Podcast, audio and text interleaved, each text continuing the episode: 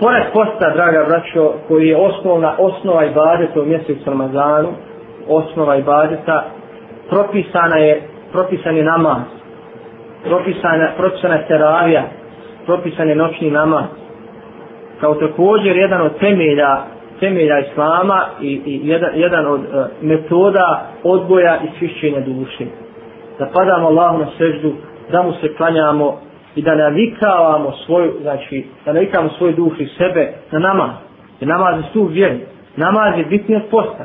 I ovo je također prilika u Ramazanu za one koji uh, neredovno klanjaju ili čak za one koji, koji ne klanjaju nikako ili mimo Ramazana da naviknu svoju dušu da naviknu sebe da pobjede šeitana, da poslije Ramazana budu bolji i da redovno klanjaju. Jer namaz, ovaj, namaz je stup vjeri. Mi govorimo o ovome zbog toga što kod nas uglavnom e, ima ljudi, jeli, mnoštve oni koji uz Ramazan, samo klanjaju uz Ramazan, ili poste uz Ramazana ne klanjaju, to sve je absurdne stvari. To je absurdne stvari. To je isto da čovjek pravi prvo krov, a nije ni udario temelje kući, niti je ovaj zide u zidu. Znači mora se shvatati vjera. Rekli smo da, je, da su dva najveća razloga zablude neznanje vjere, nesvatanje suštine vjere i sliđenje strasti. Prvo što moramo ukloniti, ukloniti jeli, jeste to neznanje koje nas ne prije. Upoznati vjeru i na kraju jeli, ovaj, pobijeti svoj strah. Kad je u pitanju teravija, mi znamo da je propisano da se, da se klanja od osam rekata pa, pa do 20 čak više kao što je bila praksa nekih ashaba mjesec Ramazanu teravija se klanja u džamijama E, također e, svrha i cilj teravije kao i svrha posta da odbijemo svoju dušu da se naviknemo na ibadet jer mi osjećamo je tako kada klanjamo teraviju naviknemo se da klanjamo 8, 20 ili više rekata noćnog namaza kada prođe Ramazan nekako nam malo izgleda klanjati desetak rekata, desetak rekata ovaj, jasin. Izgleda malo, lako nam. Zašto?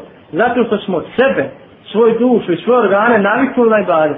Čovjek je, čovjek je Allaho stvorenje koje je stvoreno da se navikava i odvikava. Da se navikava na dobro, a odvikava od, da se odvikava od, od zla. Ono što je bitno jeste da ja preporučujem svima da klanjamo sa imamom do kraja Da klanjamo se imamom do kraja. Ne kaže poslanik alaih salatu wasalam, onaj ko klanja, ko provede noć, klanjajući taraviju, znači za imamom do kraja, kao da je klanjao cijelu noć. U stvari, ko klanja za imamom do kraja, kao da je klanjao cijelu noć. Što ne znači da, mo, da ne možemo ili da ne smo izići prije, ako imam potrebu ali bolje je, jer ovo kaže, ovo je prilika jedinstvena, ne ponavlja se Ramazan, samo jedan put ugodni Ramazan. Da ako možemo, ostavimo do kraja sa imamom, kada završi taraviju, pa da onda napustimo. Ja.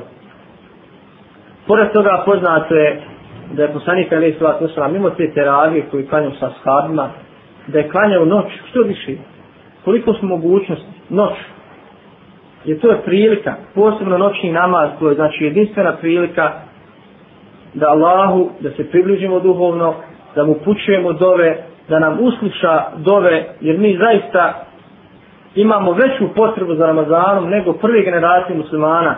Zašto? Oni su živjeli, živjeli u boljim vremenima. Bili su uh, duhovno uh, jači od nas. I oni su imali manje izazova. Pazite, mi živimo u vremenima gdje jednostavno možeš zaraditi steći ovaj, te duhovnost, jel, steći dobrih dijela, dosta. Međutim, za kratko vrijeme da ih, da ih potrošiš.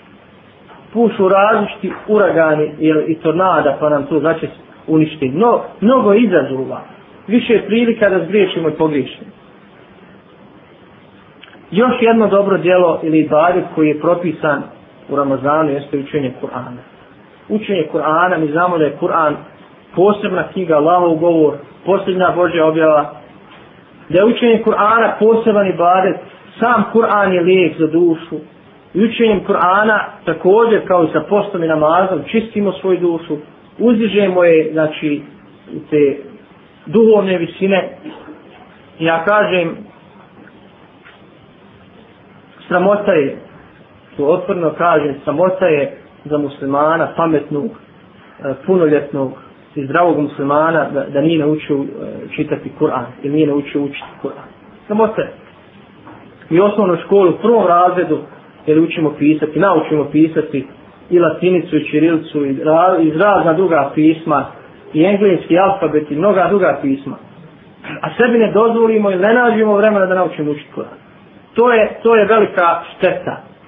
Velika, veliki propust za vjenjika. I zato Ramazan je također prilika da ga iskoristimo da ispunimo znači ovu, ovu svoju obavezu i da ova, tu svoju manu otklonimo. Da naučimo učiti Kur'an. E, pametan mladić, E, inteligentan mladić može za 15 dana i prije da nauči arapsko pismo i da nauči znači učiti Kur'an. Učenje Kur'ana je poseban ibadet. Učenje Kur'ana je preporučeno i danju i noću u Ramazanu. Kažeš da li su neki od prvih generacija muslimana, kada nastupi mjesec Ramazan, znali su da ostave sve druge ibadete, ne mislim na namaz i post, nego iščitavanje knjiga, iščitavanje hadisa, ostavljali su te ibadete i posveti bi se samo učenju Kur'ana. Ono što je, što ja gledam kao minimum, što mi prosječni vjernici trebali raditi da pročitamo jedan put Kur'an mjesec Ramazan. Neki od njih, jeli, od, od, od ashaba i tri generacije muslimana, čitali su Kur'an znali bi pročitati Kur'an u tri noći. Klanjajući noćni namaz, učili bi Kur'an i namazu da tri noći pročitaju i proučuje Kur'an. Mi ne moramo toliko biti bogobojazni i pobožni, ako neko može nek to ispuniti. Međutim, ono što, je, što ja smatram minimumom jeste da pročitamo Allahovu knjigu makar jedan put mjesec Ramazana. Imamo vremena. Imamo vremena posebno sad u danima Ramazana kada ustavimo na sehur, po sehura do sabaha, od sabaha do, do naših dnevnih obaveza, dalje u toku dana ako imamo neki pauza, na večer, poslije stara, poslije, poslije teravije i tako dalje. Da rasporedimo taj džus, taj dio Kur'ana da ga proučimo u mjesecu Ramazana. I još jedan ibadet koji je propisan u mjesecu Ramazanu jeste uh, jeste sadaka jeste udjeljivanje od našeg imetka. Da udjeljujemo od našeg imetka koji nam je uzvišeni Allah dao uh, iz više razloga. Prije svega da očistimo svoj post od ne, naših eventualnih grešaka.